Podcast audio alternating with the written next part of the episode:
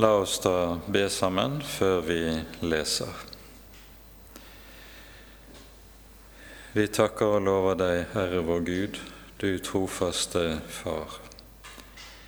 Takk at vi skal få lov til, og du har gitt oss rett til å kalle deg Far, og at vi skal få kalles dine barn, som du vet å ta deg av i alle ting. Takk at for Jesus skyld skal vi få eie hele din nåde og ikke mangle noen ting. Da ber vi deg, Herre, at du vil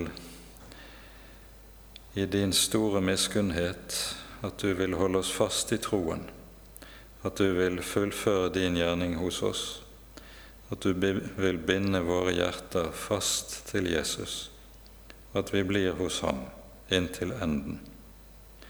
Fri oss, Herre, og frels oss, Herre, fra alt det som vil dra oss bort fra og skille oss fra din elskede Sønn. Men la han få lov til å ha den plass i våre liv og i våre hjerter som du har tenkt at det skulle være.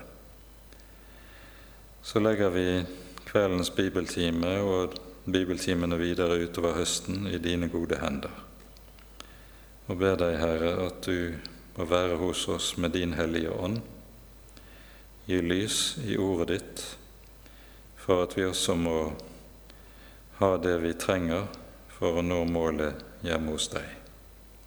Amen. Vi gjør det da sånn i dag at vi begynner med å lese de 13 første versene i Hebreabrevets 13. kapittel 12. kapittel. Eh, men jeg regner med at vi ikke kommer til å klare å komme gjennom hele denne teksten i aften. Men vi leser altså fra begynnelsen av kapittel 12 i Vår Herres Jesu navn. Så la oss derfor, da vi har så stor en sky av vitner omkring oss, legge av alt som tynger og synden som henger så fast ved oss, og løpe med tålmodighet i den kamp vi har foran oss, med blikket festet på Jesus, Han som er troens opphavsmann og fullender. For å oppnå den glede som ventet ham, led han tålmodig korset uten å akte vanæren og han har nå satt seg på høyre side av Guds trone. Ja, gi akt på ham som utholdt en slik motstand fra syndere, for at dere ikke skal gå trett i deres sjeler og bli måtløse. Ennå har dere ikke gjort motstand like til blodet i deres kamp mot synden, og dere har glemt den formaning som taler til dere som til barn. Min sønn, forakt ikke Herrens tukt, og mist ikke motet når du blir refset av ham. For den Herren elsker, den tukter han, og han hudstryker hver sønn han tar seg av. Det er for tuktens skyld dere tåler lidelse. Gud handler med dere som med sønner. For hvem er vel den sønn som hans far ikke tukter? Men hvis dere er uten tukt, som alle har fått sin del av, da er dere uekte barn og ikke sønner.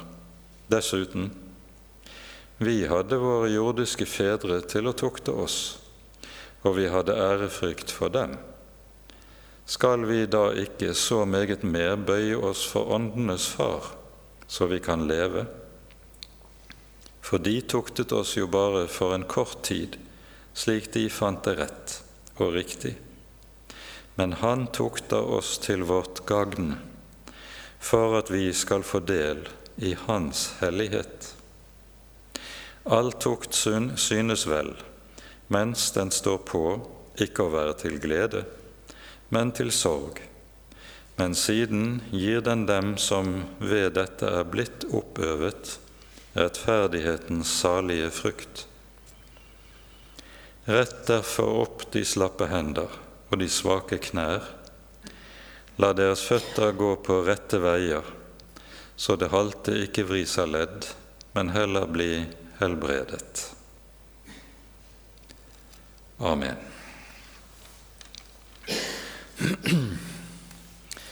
Nå er det en stund siden vi før sommeren avsluttet gjennomgangen av det ellevte kapitlet. Og det vi hører i dette kapitlet, det er jo noe som griper direkte tilbake til det vi hører i kapittel 11. Det begynner i eh, det første verset her i kapittel 12 med et 'så la oss derfor'. Ehm, og derfor viser han nettopp tilbake til det vi hører i det ellevte kapittelet. Ehm, der er sløyfet et ord i våre oversettelser som sto i de eldre bibeloversettelsene. La oss også derfor, nemlig, der vi har nemlig også viser til de som det taler om i det foregående kapittel. Vi også lever under samme vilkår som de, og så er det det som er perspektivet her.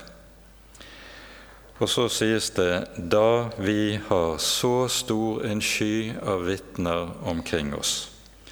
Og det er disse vitner det er tale om som vi hører om i foregående kapittel. Og Her hører vi omtalt Det gamle testamentets troshelter. Det vi hører om Abel, Enok, Abraham, Isak, Jakob, Moses osv. Og, og alle de som ikke er hører med som de som er navngitt i teksten, men som på ulike måter var troens vitner. Noen av dem var også martyrer. For ordet 'vitne', som her eh, eh, vi hører om, det har det greske ordet 'martys', som er stammen til ordet 'martyr', som det som ligger i grunnteksten. Det er noen som eh, forstår det som vi leser her i dette verset, slik at eh, vitnene det er, består, handler om at disse som har gått foran oss på troens vei, de er slike som er vitner til vårt liv her på jorden. Det man tar utgangspunkt i da, det er at bildet som brukes her i det første verset i kapittel 12, det er hentet fra idrettsbanen. Det er begreper som er hentet fra idrettslekene. Um, når det står om å løpe i den kamp som er oss foresatt, så er dette ord som altså er hentet fra idrettsarenaen. Og, tenk, og da tenker man at vitnene er like som publikum som står omkring og heier på de som løper og er på vei mot målet. Dette er antagelig ikke noen korrekt forståelse av det som står, for Bibelen gir ikke grunnlag for å hevde at de som har kommet hjem til, himmelen og er i saligheten hos vår Herre Jesus, de er så å si øyenvitner til våre liv her på jorden. I stedet når det taler om vitner, så er det tale om disse som har avlagt vitnesbyrd om troen. Og deres vitnesbyrd er det vi hører og møter i Det gamle testamentet, og som det altså vises til i det foregående kapittel 11. Det er disse vitner som er som en stor sky. Um, og når det taler om en sky her, så var det et relativt vanlig begrep i samtiden for å betegne en stor folkemengde. Det er en stor folkemengde av vitner som så å si vi har omkring oss. Deres vitnesbyrd er noe som omgir oss, nemlig i Guds ord.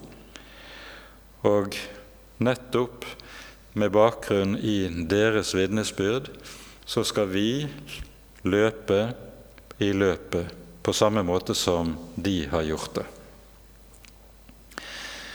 Og så er det altså slik at vi hører det anvendes begreper fra idrettsarenaen. Det taler om et løp.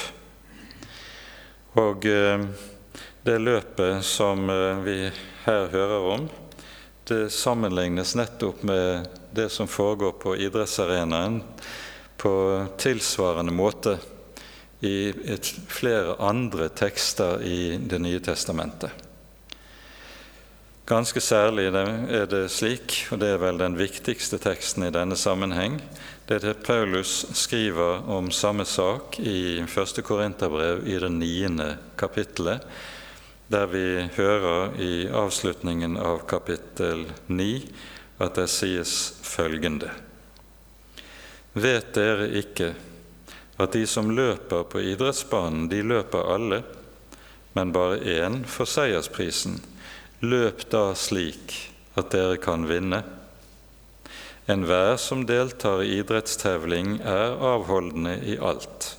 De altså for å vinne en forgjengelig krans, men vi en uforgjengelig.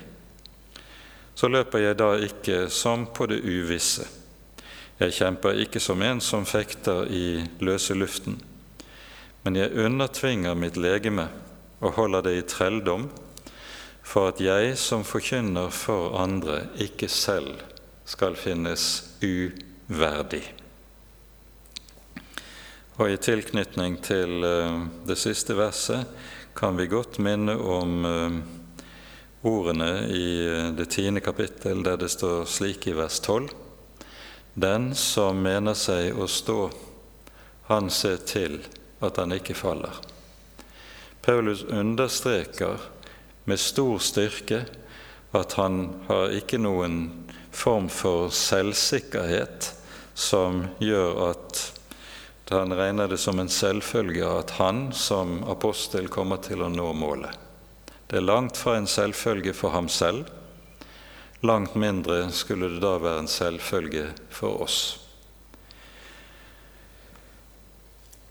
Når bildet fra idrettsleker blir anvendt så hører vi dette ganske karakteristisk også anvendes her i Hebreane 12.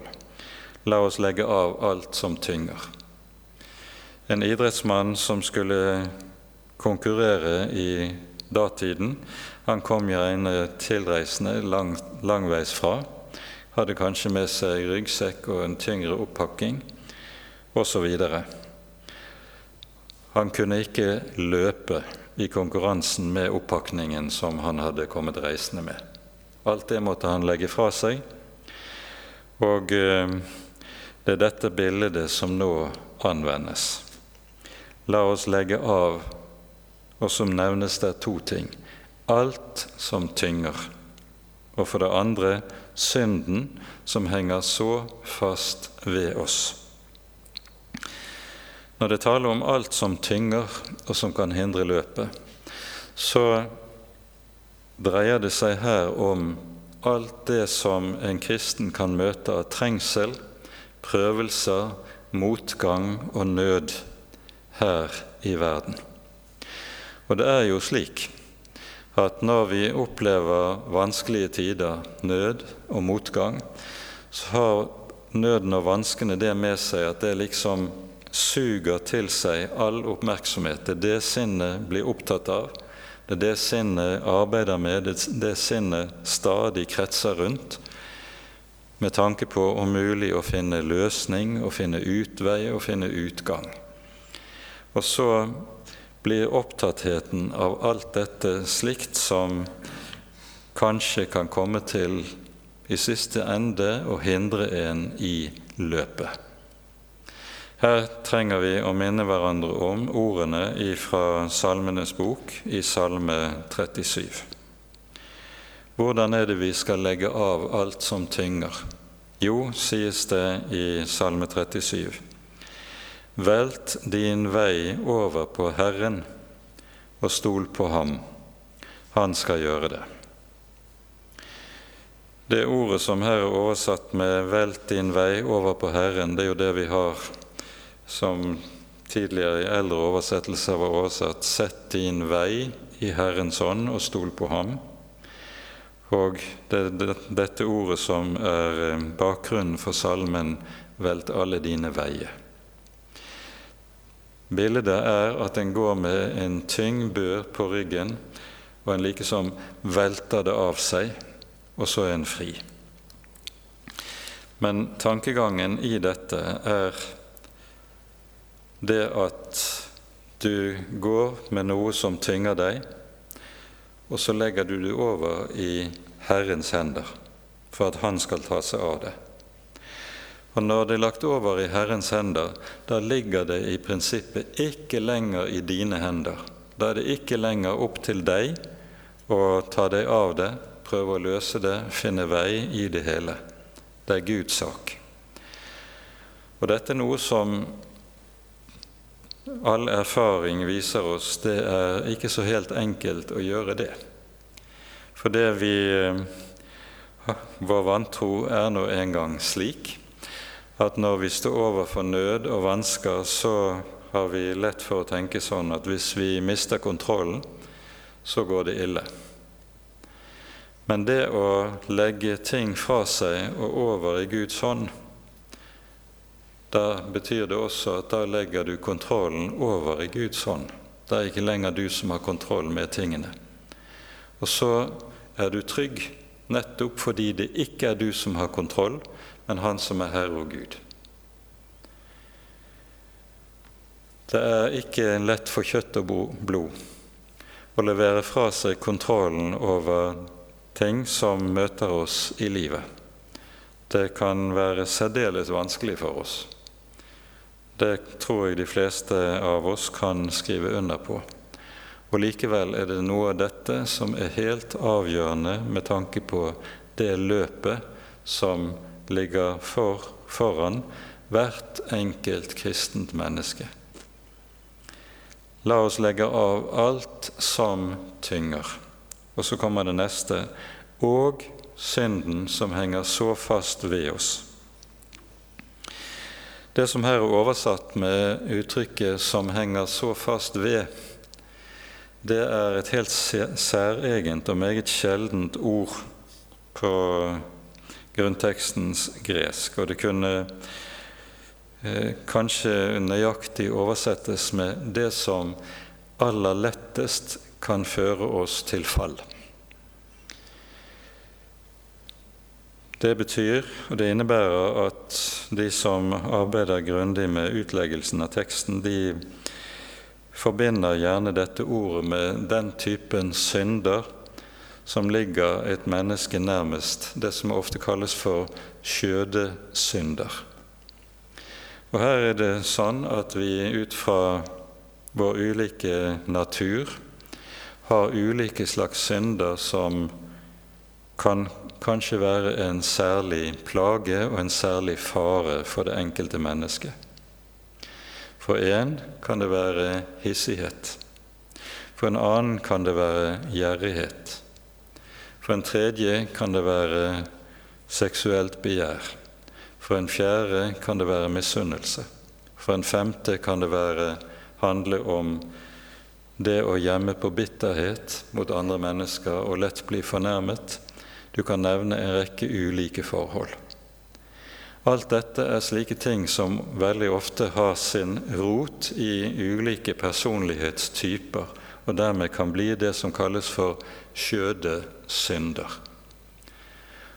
Og så ligger det i dette at en kristen på en særlig måte skal være på vakt overfor seg selv og sitt eget hjerte nettopp med tanke på dette. Og så blir spørsmålet hvordan er det man legger av sine synder? Det skjer på to måter. For det første skjer det på den måten at dette er noe som en som kristen bekjenner for Herren som synd. Jeg forsvarer det ikke, jeg unnskylder det ikke, men tvert om, det legges frem for Herren slik at jeg går frem for Hans ansikt og bekjenner det. uten å prøve å pynte på meg selv og unnskylde meg selv. Det er det første. Og når jeg har bekjent noe i mitt eget hjerte og i mitt eget liv, i mitt eget temperament, i min egen personlighet som synd, da innebærer det også at det er noe jeg vokter meg overfor, og, som en, og noe som dermed kommer til uttrykk i det vi kaller for den daglige omvendelse. Og Den daglige omvendelse handler om at synden i mitt liv er noe som skal korsfestes og dødes. Den skal ikke gis livsvilkår. Den skal ikke eh, Vi skal ikke sørge for eller leve på en slik måte at den får oppmuntring til å fortsette å leve. Synden henger fast ved oss. Og her er det slik at her tegnes et kristent menneske ikke som et menneske som en dag kommer til å endelig å ha beseiret all synd i sitt liv. Det er enkelte retninger innen kristenheten som lærer det. Blant annet var det slik at metodismens grunnlegger John Wesley han lærte at det var mulig for en kristen å nå til fullkommenhet på den måten at han var fri fra ytre synder og gjerningssynder i sitt liv. Dette er ikke mulig. Vi bærer synden i våre liv og i våre hjerter. Fordi det gamle mennesket er hos oss og bor i oss helt til den dagen vi går ut av denne verden. Synden henger fast ved oss. Men en kristen skal ikke gi den vekstvilkår og livsvilkår, men tvert om være oppmerksom på sitt eget hjerte, slik at han korsfester og døder det gamle mennesket. Vi rekker i denne sammenheng ikke å gå nærmere inn på det vi leser om denne sak i Romerbrevet, men i Romerbrevet 6. og 7. kapittel er vi møter kanskje det mest grundige og sentrale avsnittet om denne sak i Det nye testamentet. En kristen korsfester og døder sitt gamle menneske, dvs. Si seg selv. Og så sies det, la oss da legge av alt som tynger, og synden som henger så fast ved oss, og løpe med tålmodighet. Når det sies med tålmodighet, så sikter det til to ting.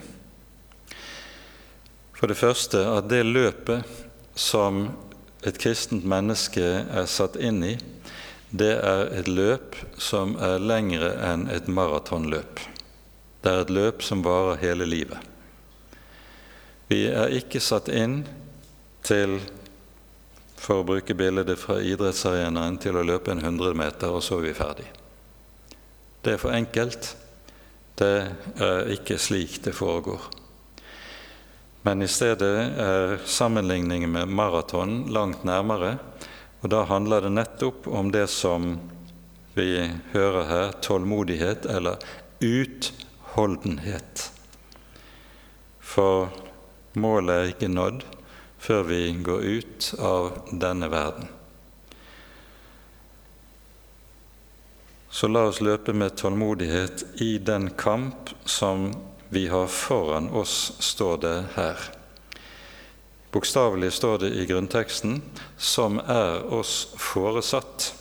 Og det betyr bokstavelig at dette er en kamp som Gud selv har satt oss inn i. Det å bli et kristent menneske, det er av Gud å settes inn i en særlig kamp. En kamp som handler om to ting. Kampen for å holde ut inntil vi når målet. Kampen mot det gamle mennesket, egen, våre egne hjerter. Det er dette som det settes fokus på i denne sammenheng.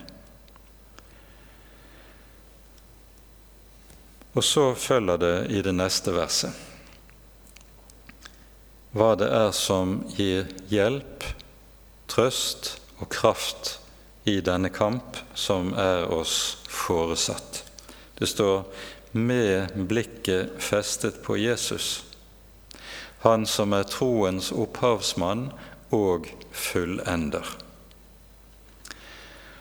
Og I denne sammenheng må vi minne om en helt avgjørende sannhet i Den hellige Skrift, nemlig dette at Guds hellige lov krever hellighet av deg og meg. Vi er satt til å leve det hellige livet for Guds ansikt. Dere skal være hellige, for jeg, Herren deres Gud, er en hellig Gud lyder det til Israels folk. Et ord som gjentas for den kristne menighet i 1. Peters brev som et grunnleggende livsprogram for Guds folk. Dere skal være hellige, for jeg, Herren deres Gud, er en hellig Gud. Men så er saken den at Guds hellige lov krever slik hellighet av oss, men den er ikke i stand til å virke det, til å gi det og gi kraft til det. Kraften til det, det ligger i evangeliet, ikke i loven. Og Her dreier det seg om det helt avgjørende å kunne skjelne mellom lov og evangelium på rette vis. Så minner vi i denne sammenheng om ordene i Titus brev i det annet kapittel. Her sies det slik fra vers 11.: Guds nåde er åpenbart til frelse for alle mennesker.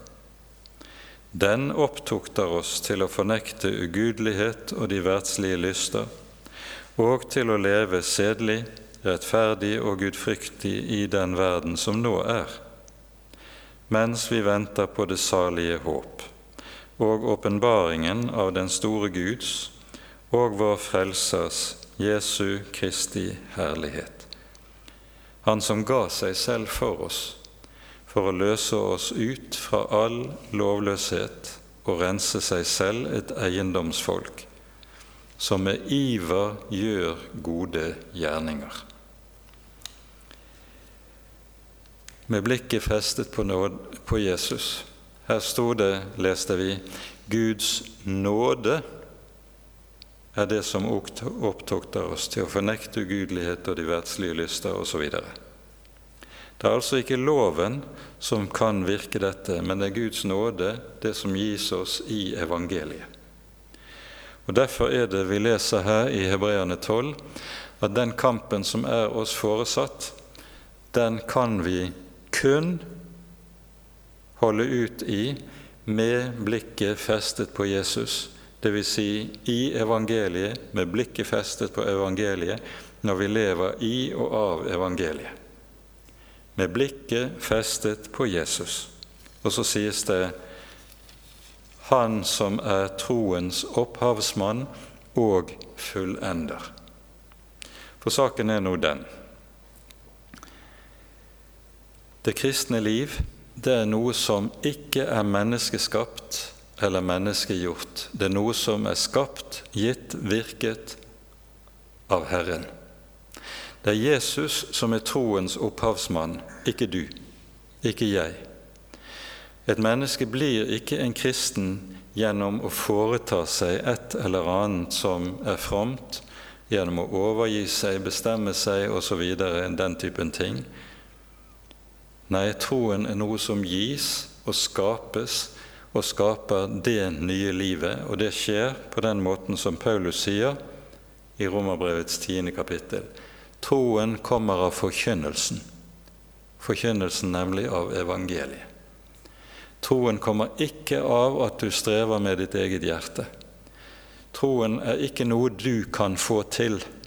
Troen er noe som gis deg. Og Derfor sies det at det er Jesus som er troens opphavsmann, ikke du, ikke jeg. Han er troens opphavsmann, og derfor er det slik at troen og det nye livet det er noe som er skapt av Herren. Det er skapt av Jesus gjennom evangeliet om ham. Dette kan sammenfattes ved hjelp av ordene i Salme 51, der vi hører David ber slik.: Gud, skap i meg et rent hjerte. Dette ber David om etter sitt dype fall i synd med Batseba. Han har fått se seg selv og lære seg selv å kjenne på en måte som har forferdet ham dypt, når han først nådde til erkjennelse av hva det var han hadde gjort. Og Så ber han i denne botsbønnen i Salme 51.: Gud, skap i meg et rent hjerte.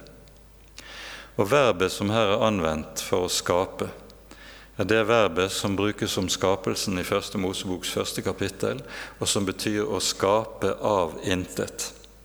Det er et verb som har to kjennetegn. For det første er det et verb som utelukkende i Det gamle testamentet brukes med Gud som subjekt. Det er Gud alene som er i stand til å skape. Det brukes aldri om mennesker. Når det taler om mennesker, f.eks. en kunstner som, eller håndverker som skaper eller lager noe, så brukes det andre verb. Dette verbet, å skape, bara, det brukes utelukkende med Gud som subjekt. Det er han alene som kan. Og For det andre så betyr det å frembringe av intet. Og Når David ber slik 'Skap i meg et rent hjerte', så sier han to ting. Det er bare du, Herre, som kan virke dette i meg. Og for det andre, skal du gjøre det, og skal det skje, så må det skje av intet. For det er ikke noe grunnlag i mitt eget hjerte det er ikke noe du, Gud, kan gå ut fra som du kan bygge på når du skal skape det nye livet. Det er intet å bygge på i mitt eget hjerte. Skal Gud skape det nye hjertet, så må det bli av intet. Og Det er det som er poenget, og derfor er det slik at Jesus er troens opphavsmann. Han er den som skaper det nye livet, og han skaper av intet. Men så er poenget i ordet vi hører her, det er at han samtidig, på akkurat samme måte som han er troens opphavsmann, så er han også troens fullender. Om du og jeg skal nå målet, er dette noe som ikke står i vår egen makt, men det er helt avhengig av Herrens egen trofasthet imot oss, at Han tar seg av oss. Derfor er det at Jesus kalles for alfa og omega, begynnelsen og enden gjentatte ganger, slik som vi særlig hører det i Johannes' åpenbaring. Og Derfor er det at Paulus i Galaterbrevets tredje kapittel, når han prøver å hjelpe galaterne til rette, som har kommet inn under loven og inn under lovtrelldom, skriver følgende i Galaterbrevets tredje kapittel, vers 3. Er dere så uforstandige? Dere begynte i ånd. Vil dere nå fullende i kjød? Poenget her er det som var skjedd i Galatia, var at det var kommet forkynnere og predikanter i Paulus' fotspor som førte galaterne inn under loven og forkynnelsen deres har antagelig, ut fra det som vi leser i Galaterbrevet, så har den antagelig lydd omtrent slik. Det er vel og bra det dere har hørt av Paulus. Dere har begynt godt, dere har lært å tro på Jesus, dere har møtt evangeliet. Men for at dere skal nå målet, da er dere nå nødt til å ta loven på alvor. Og så legger de de kristne inn under loven med den lære som sier om dere skal nå målet, så avhenger det av dere selv. Dere begynte i ånd. Vil dere nå fullende i kjød? spør Paulus. Og så er de til disse som er ført inn under loven og lovens trelldom. Det er et dypt alvor med den falske evangelieforkynnelsen som galaterne har blitt kommet inn under. Og eh, Derfor er det sånn at Paulus sier helt uten omsvøp i det femte kapittelet i det fjerde verset. Dere er skilt fra Kristus, dere som vil bli rettferdiggjort fra loven. Dere er falt ut av nåden. Dere begynte i ånd, vil dere fullende i kjød. Dere begynte under evangeliet, vil dere fullende under loven. Slik kan det ikke være.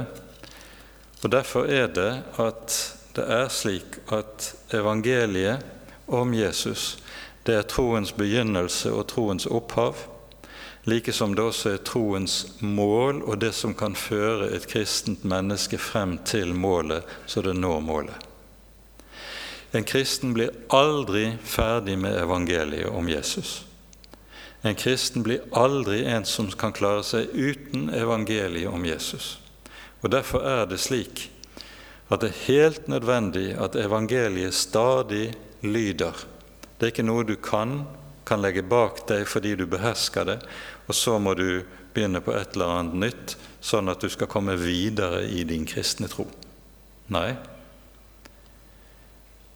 Å vokse som kristen, det betyr å vokse i avhengighet av Jesus. Eller som Peter formulerer det i slutten av sitt andre brev, det er å vokse i nåde og kjennskap til Herren Jesus Kristus. Det er den kristne, rette kristne vekst. Og Derfor er det altså at Jesus kalles for troens opphavsmann og fullender. I første verset har vi hørt om vitnene i den gamle pakt, som har vitnet om troen og livet med Herren, og vi skal følge i deres spor. Nå holdes Jesus frem for oss som det store troens eksempel. For å oppnå den glede som ventet ham, led han tålmodig korset, uten å akte vanæren, og har nå satt seg på høyre side av Guds trone. Hva er den glede som ventet Jesus? To ting skal vi her nevne. For det første handler det om hans opphøyelse i herlighet. Lidelsen og døden under Guds dom, under forbannelsen, under Guds vrede. Det ble avløst av oppstandelse og himmelfart at på Herre Jesus ble opphøyet til Faderens høyre hånd og mottok av Faderen all makt i himmel og på jord. Det er hans glede. Det er den ene siden ved det. Det andre siden ved Kristi glede, hva er det? Det er det som beskrives for oss i Lukasevangeliets 15. kapittel, der vi hører om det bortkomne får, den tapte sølvpenningen, som finnes og vekker glede. Og så sies det således skal det være glede i himmelen, større over én synder som vender om, enn over 99 rettferdige. Jesu glede, det er en glede over syndere som blir frelst. Syndere som blir funnet og får liv i omvendelse og tro. Det er Jesu glede. Det sies uttrykkelig det er gleden i himmelen. Og I sist søndags tekst så hørte vi tale om hvordan den kloke tjener fikk høre ordene 'Gå inn til din Herres glede'. Det er dette som vi er invitert inn i. Når Jesus frelser, så er det det som er hans store glede å se.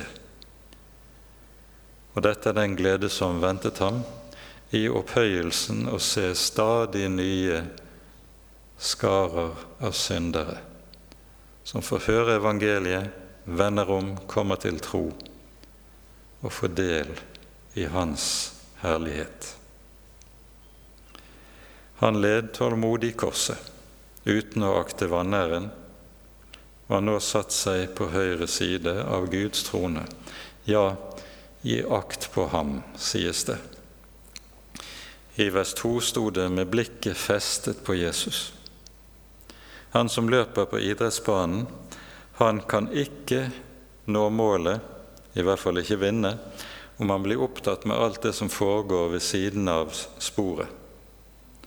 Han har blikket festet på målet. Målbevisst så løper han dit. Med blikket festet på Jesus. Det er bildet fortsatt fra idrettsbanen. Her brukes et annet uttrykk for å se. Ja, gi akt på ham, sies det.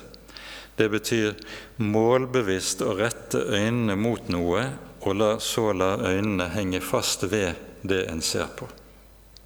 Gi akt på ham som utholdt en slik motstand fra syndere. Ja, Jesus måtte utholde mye motstand fra mennesker under sin levetid. På samme måte må hans menighet og hans små troende ofte møte meget motstand fra mennesker. Og i dette er det helt avgjørende spørsmål hvor er blikket festet? Er blikket festet på Jesus? Kan jeg holde fast ved ham? Så sies det uttrykkelig da skal dere ikke gå trett og bli motløse i deres sjeler. Her er det jo slik, når det taler om tretthet, at om eh, man møter vansker som bare varer en ganske kort tid, jf. bildet med en 100 meter sprintløp, så er det noe som ikke representerer den store vanskeligheten. Men når vanskene varer lenge, det går over tid, og det ser ut som det ikke tar slutt. Det bare holder ved og det ved, og du blir ikke fri.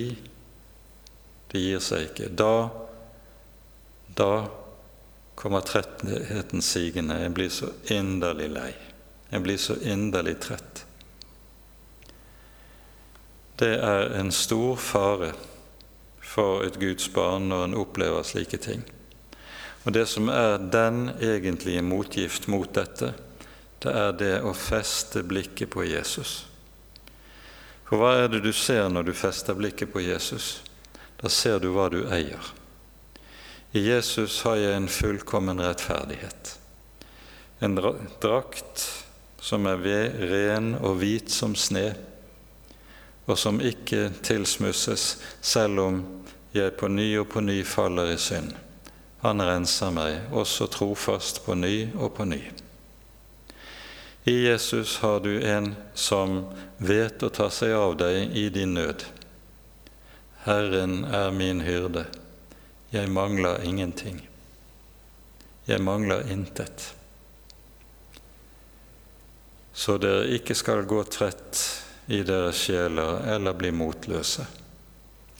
Motløshet er noe som også er en stor fare for et kristent menneske når en ser hvor sin egen skrøpelighet, ser hvor lite det hvor dårlig det er fatt med min egen tro og mitt eget hjerte, hvor jeg ser hvor, hvordan synden stadig kan romstere i mitt eget hjerte og stadig gjøre seg gjeldende. Og så blir jeg motløs. Og jeg tenker blir jeg aldri annerledes? Blir jeg aldri bedre? Til det er å si nei, du blir aldri annerledes. Du blir aldri bedre, for du har ditt gamle menneske hos deg. Men ser du på Jesus, så kan du vite at nettopp slik som du er, med all din synd og all din skrøpelighet, så passer du godt sammen med Jesus. Det er nettopp for slike som deg han kom. Det er nettopp for å ta seg av slike som deg han ga sitt eget liv og blod. Når du på ny og på ny får øye på det, da er det den beste motgiften mot alt som heter motløshet i livet. Og Derfor er det så avgjørende, dette for en kristen menneske, å øve seg i dette å ha blikket festet på Jesus og minne seg selv om at vi minner hverandre om hva vi eier i Jesus. Og ikke minst er dette helt avgjørende for forkynnelsen i den kristne kirke. At forkynnelsen skal holde frem for de troende og kjempende små Guds barn hva de eier i vår Herre Jesus. Han er din rikdom. Han er ditt liv. Han er trofast om du er troløs. Han er din rettferdighet om du er aldri så svart av synd. Han er ditt liv. Og så det, handler det om dette ene og enkle å ha blikket festet på ham og gi akt på ham. Da kan en kristen ta ordene i Salme 23 til seg. Herren er min hyrde, jeg mangler intet. Han lar meg ligge i grønne enger, han leder meg til hvilens vann. Han omvender min sjel, han fører meg på rettferdighetsstier for sitt navns skyld. Om jeg enn skulle vandre i dødsskyggens dal, frykter jeg ikke for vondt, for du er med meg din kjepp og din stav, de trøster meg. Du dekker bord for meg like for mine fienders øyne. Du salver mitt hode med olje, mitt beger renner over. Bare godt og miskunnhet skal etterjage meg alle mitt livs dager. Og jeg skal bo i Herrens hus gjennom lange tider. I Jesus eier du en evig rikdom som ikke tar slutt. Vi må lære å regne med hva vi eier i ham, fremfor å se på vår egen skrøpelighet og vår egen fattigdom. Amen. Ære være Faderen og Sønnen og Den hellige ånd, som var, er og være skal, en sann Gud, høylovet i evighet. Amen.